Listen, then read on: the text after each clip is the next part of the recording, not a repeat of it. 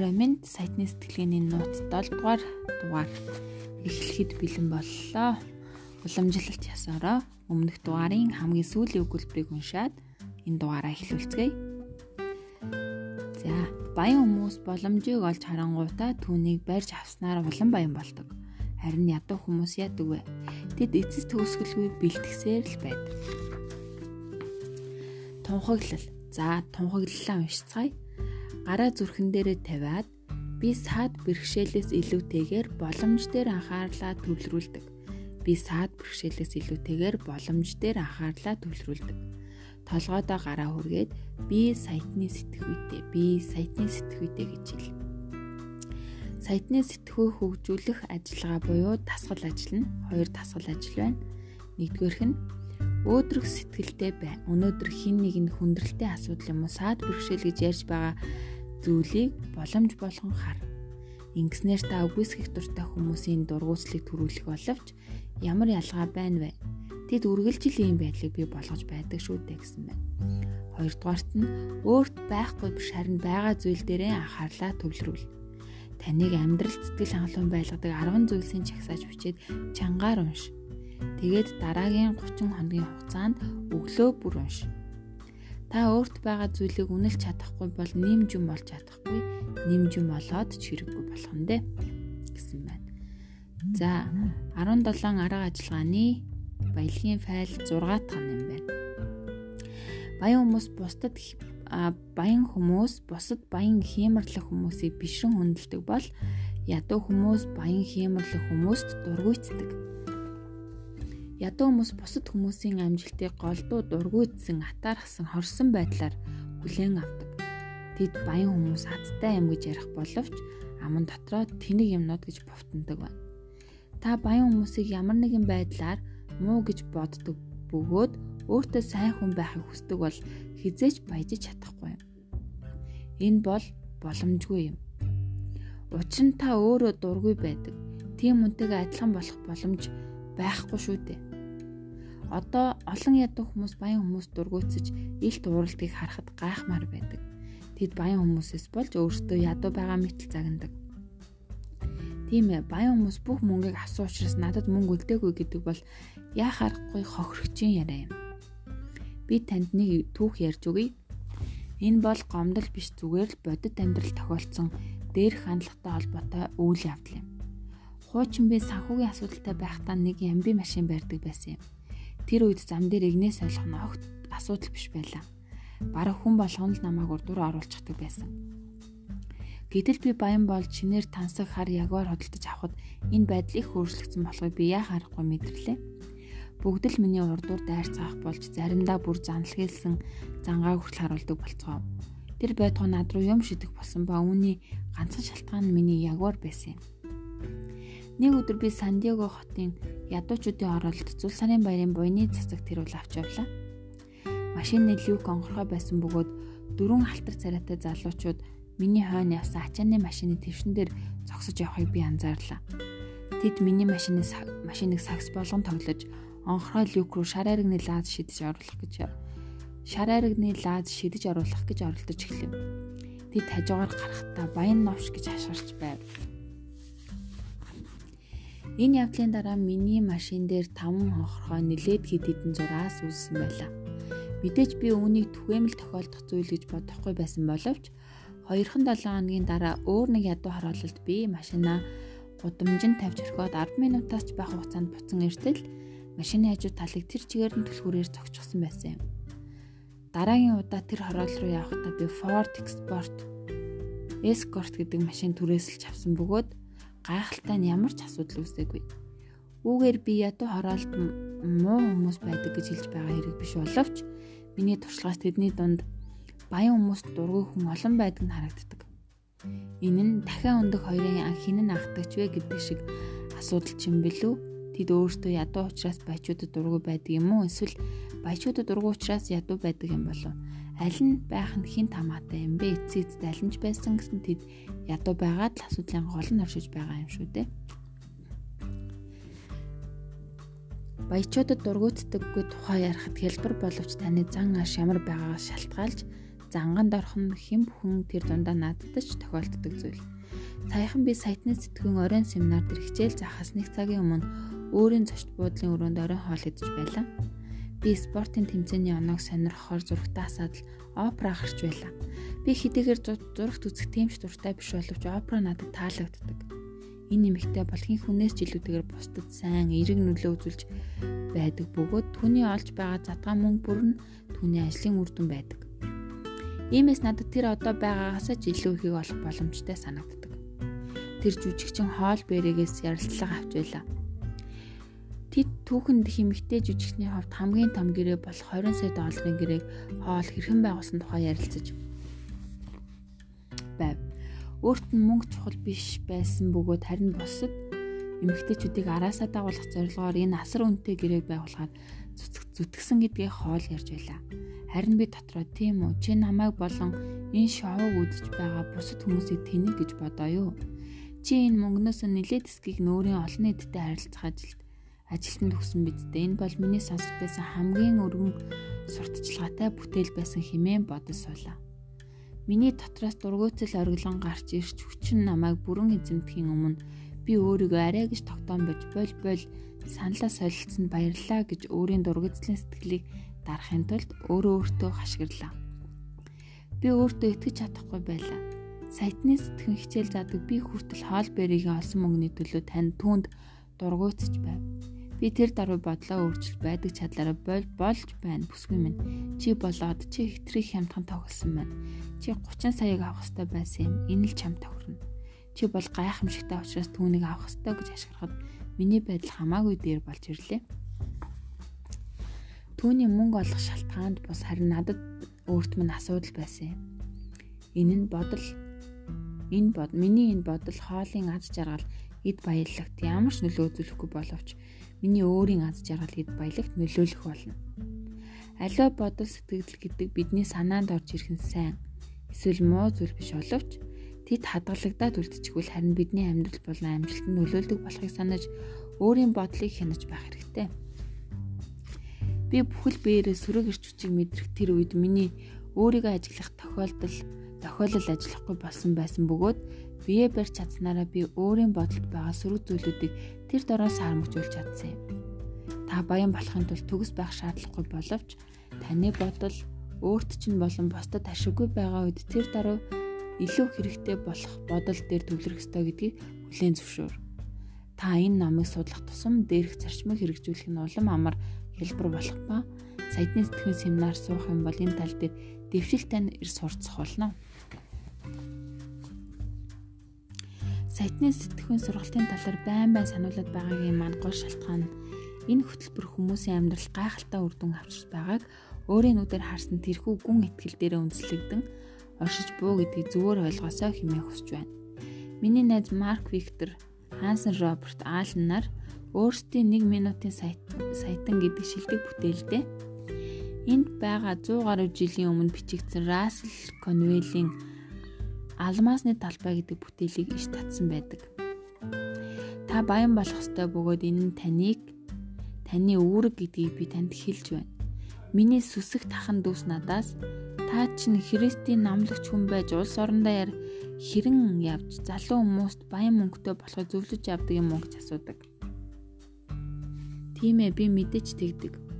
Тэд эн чинь аимшигтай биш гэж үү? Та хүмүүст бурхны сургаалыг заахын оронд мөнгө хийх талаар зааж сургадаг гэж үү гэж асуудаг. Учир нь мөнгөө хийх гэдэг нь бурхны сургаал заахтай адил юм. Шалтгаан нь л энэ юм. Таны ойр орчимд баян болж байгаа хүмүүс магадгүй хамгийн шудраг хүмүүс байж болно.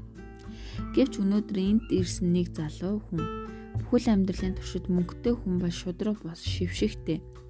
Өөдгүй чигшүүртэй хүн гэж миний ойр тойрныхан ярьдаг байсан гэж хэллээ. Найз минь ийм л учраас чамд юу ч байхгүй байгаа юм шүү дээ. Чи хүмүүсийн талаар ийм зүйл боддог учраас тэр чиний итгэл үнэмшлийн суур нүнцээрээ буруу байна. Би чамд тодорхой тайлбарлаж өгье. Америкийн 100 баян хүмүүсийн дундаас 98 шудраг хүмүүс байдаг. Ийм учраас тэд баян болдог. Тийм учраас тэдэнд мөнгө итгэж өгдөг юм. Тийм учраас тэд агуу ажил хэрэг эрхэлж өөрсдөлтөөгөө ажиллах олон хүмүүсийг олж чаддаг юм аа. Бас нэг залуу. Би заримдаа шудраг бус аргаар сая сая доллар олсон хүмүүсийн талаар сонсдог гэж хэлв. Тийм ээ. Мэдээч чи сонссон байгаа. Би ч гэсэн сонссон. Гэвч үнэн хэрэгтээ энэ нь маш ховор зүйл байдаг ч сонинуудад тэдний талаар үргэлж мэдээлж өргөн сенсац үүсгэдэг болохоор эцэст нь чамд бүх баян хүмүүс шудраг бус аргаар баян болсон гэсэн ойлголт бий болсон хэрэг юм аа. Найз минь чи намайг Филадельфи хотын зах руу хаваачиж тэнд амьдардаг хүмүүстэй танилцуулаач. Урлагийн бүтээл алсан гоёмшиг гоёмсог сайхан байшингуудад амьдарч байгаа тентгийн хүмүүс зан чанарын хувьд хотын хамгийн шилдэг хүмүүс байдаг. Өөрийн гэсэн байшинтай хүмүүс илүү хүндэтгэл хүлэм, шудраг, цэвэр, чин сэтгэлтэй, ариу чимгч, анхаарал халамжтай байдаг. Бид эндэр дээрээ шуналгүй байхыг сургаж бохор ашиг гэсэн нэр томьёог хитрхи хэрэгэлдэг нь Христэд итгэгчдэд ямар ч мөнгөтэй хүн хорон санаатай байдаг гэсэн ойлголтыг бий болгож байна. Мөнгө бол эрх мэдэл бөгөөд та түүнийг олж авахын тулд шаардлагатай хэмжээнд зүтгэх ёстой. Та мөнгөгүй байснаас илүү мөнгөтэй байхдаа олон сайхан зүйл хийж чадах учраас мөнгөтэй болох л ёстой юм. Мөнгөөр л таны Библийг хэвлэж сүмийг барьсан бөгөөд түүний тусламжтайгаар л номлогчд сургаалаа айлддаг. Ийм учраас та мөнгөтэй байх ёстой гэж би хэлж байна та шудраг замаар эд баялагийг бий болгож чадах юм бол Бурхны өмнө хүлээс үүргээ биелүүлж байгаа хэрэг юм аа. Сүсэг бишрэлтэй хүмүүс сүсэг бишрэлтэй байхын тулд маш ядуу байх ёстой гэж боддог нь аимшигтай алдаа юм. Конвелийн ишлэлт хит хитэн гайхалтай зүйлүүд байна. Үүний ихэнх нь эхнийх нь бусдын итгэлийг хүлээх чадварын тухай юм. Баян болоход заашгүй шаардлагатай бүх шинж чанаруудын дундаас бусдын итгэлийг хүлээх чадвар нь хамгийн чухал зүйлүүдийн нэг байдаг. Бодоод үзэлтэй. Та ямар нэг хэмжээгээр итгэж байгаагүй хүнтэйгээ хамт бизнес хийнэ гэж юу? Хизээч үгүй. Баян болохын тулд маш олон хүн танд итгэх ёстой гэж үзэх юм бол бол ийм олон хүн танд итгэхийн тулд та өөрөө итгэл таахаар хүн байх ёстой. Баян болох болон баян хэвээр үлдэхэд босод ямар шинж чанарууд хүнд хэрэгтэй байдаг вэ? дүрмээс гадуур зүйл ямагт байдаг боловч та ямар нэг зүйлд амжилтанд хүрэхин тулд хэн байх ёстой юм бэ? Дараах шинж чанарууд танд хэр зэрэг байгаа хэмжээд үз. Найдвартай, төвлөрсөн, шийдэмгий, шаргуу, ажилч хичээнгүй, ирч хүчтэй, баг зэрэг ухаалаг, мөн аль нэг салбарт нарийн мэрэгшсэн. Конвелийн ишлэл гарсан бас нэг сонирхолтой зүйл бол олон хүмүүс баян хүн сайн хүн байж болохгүй, баян хүн оюунлаг байж болохгүй гэж итгэдэг гэсэн үг юм. Би ч гэсэн ингэж боддог байсан. Бидний дундаас олон хүний нэг адил би найз нөхөд багш нар мэдээллийн хэрэгсэл нийгмийн бусад эсгийнхнээс баян хүн ямар нэг талаараа муу байдаг бөгөөд тэд бүгдээрээ шуналтай гэж хэлхийг сонсдог байсан. Энэ бол огт онцлол үндэслэлгүй зүйл юм. Хуучны айдас дээр үндэслэн хоосон ярианаас илүүтэйгээр өөрийн бодит амьдралын туршлагаасаа би миний мэддэг хамгийн баян хүмүүс хамгийн сайхан хүмүүс болохыг нь олж мэдсэн юм аа. Би Сандиаго руу шилжснээр бид хотын хамгийн баян хорооллын нэгэнд байшин нэгэн байшинд орсон юм. Байшин болон түүний эргэн тойрон бидэнд маш их таалагдсан боловч би ганц ч хүн таньдаггүй учраас тэр орчинд цогцох болоо гэж баг зэрэг эмээж байсан. Би аль болохоор даруухан байж тэдгээр бардан баячуудтай холилдохгүй гэж бодож байлаа. Гэтэл хорвоогийн жам юм хойно тэр үед 5 ба 7 настай байсан манай хоёр хүүхэд оршныхоо бусад хүүхдүүдтэй найзлах болсноор би ч тэдний тэднийг тоглуулахаар тэр том байшингууд руу хүрэж өгдөг болсон. Би нэг маш маш их сэлбэртэй дор хаяж 20 фунтын өндөр нэг хаалга цогсноо санддаг юм. Хүүхдийн их нь хаалган голгож миний өмнө сонс байсан хоолойнуудын хоолойнууд дундаас хамгийн нөхөрсөг дуугаар хаарав чамтай уулзсандаа маш их баяртай байна татгшаа орооч гэж хэллээ. Түүнийг надад мөстэй цай баяга жимс хийж өгөхөд би баг зэрэг твдэж байв. Миний үл итгэгч хүн яах гэсэн юм бол гэж анхааруулсаар л байлаа. Тэгтэл түүний нөхөр хүүхдүүдтэйгээ бассейн тоглож байгаад орж ирэв. Тэр улам л илүү найрсаг болгоор Харав танаа нэг доор амьд тантай нэг доор амьдарч байгаадаа би маш их баяртай байна. Та өнөө өрөө гэр бүлийнхэнтэйгээ хамт манай бибикод ирэх бол ирэх ёстой болж байна. Бид та нарыг бүгдтэй танилцуулна. Татгалзан хариу авахгүй шүү. Ингээд чи гольф тоглолтгүй би маргааш клуб дээр тоглох ёстой. Чи чочилж чочил яасан юм бэ гэлээ. Би энэ үед цочролд орсон байлаа. Миний өмнө бодож байсанчлан ихэмсэг баячууд юу болчих вэ? Ингээд би их нэртэй BBQ-д очныг хэлэхээр гэрлүүгээ ирэх юм явлаа. Эхнэр маань яана би юу өмснө гэхэд би хонгор минь чи ойлгохгүй байна. Тэд бол гайхалтай сайхан бөгөөд маш энгийн хүмүүс. Чи өөрийнхөө л байхад болно гэж хэлсэн. Тэр орой бид бид тэнд очсноор амьдралд маань таралцах хамгийн нөхөрсөг, хамгийн сайхан сэтгэлтэй, хамгийн өгөөмөр бусдыг хамгийн их хайрладаг хүмүүстэй уулзсан юм.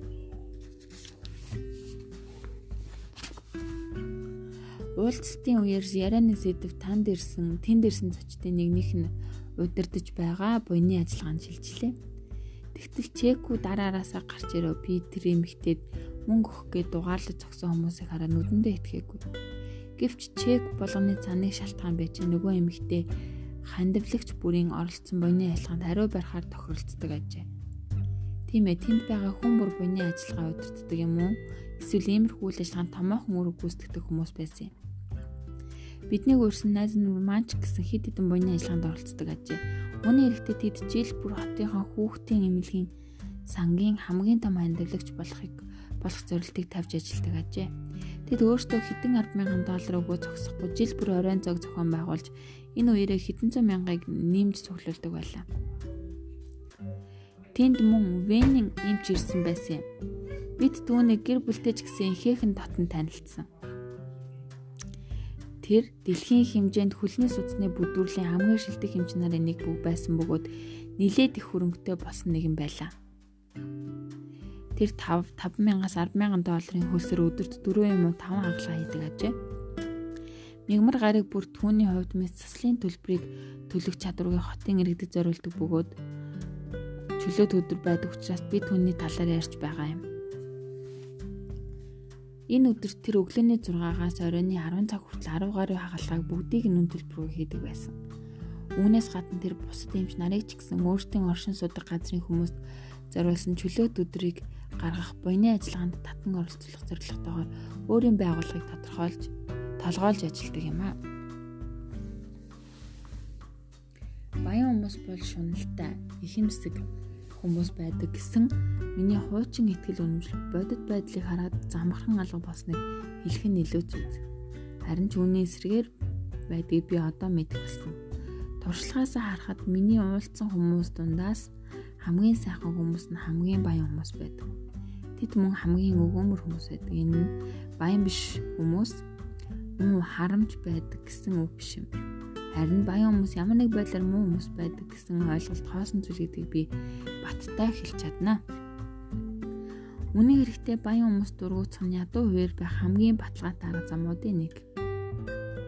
Хүн бол зуршлын амтан бөгөөд энэ зуршлаа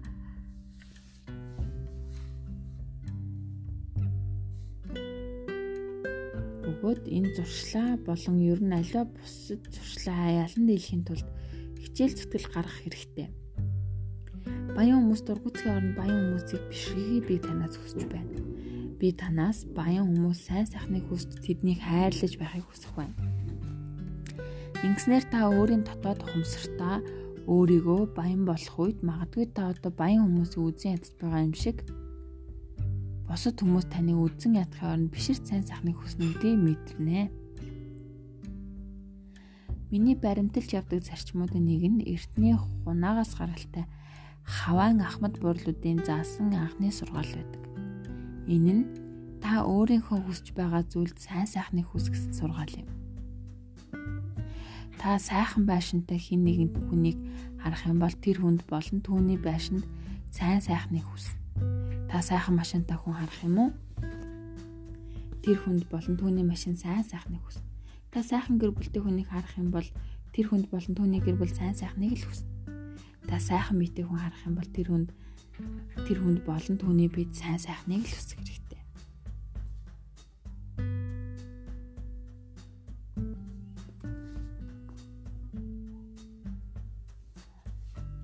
За баялагын зарчим нь та өөрийнхөө хүсэж байгаа зүйл зөвхөн сайн сайхныг л хүсэрэй гэсэн байна. За энэ хүрээд энэ дугаарын подкастаа бол дуусгая. За дараагийн дугаар хүртлээр түр баяртай.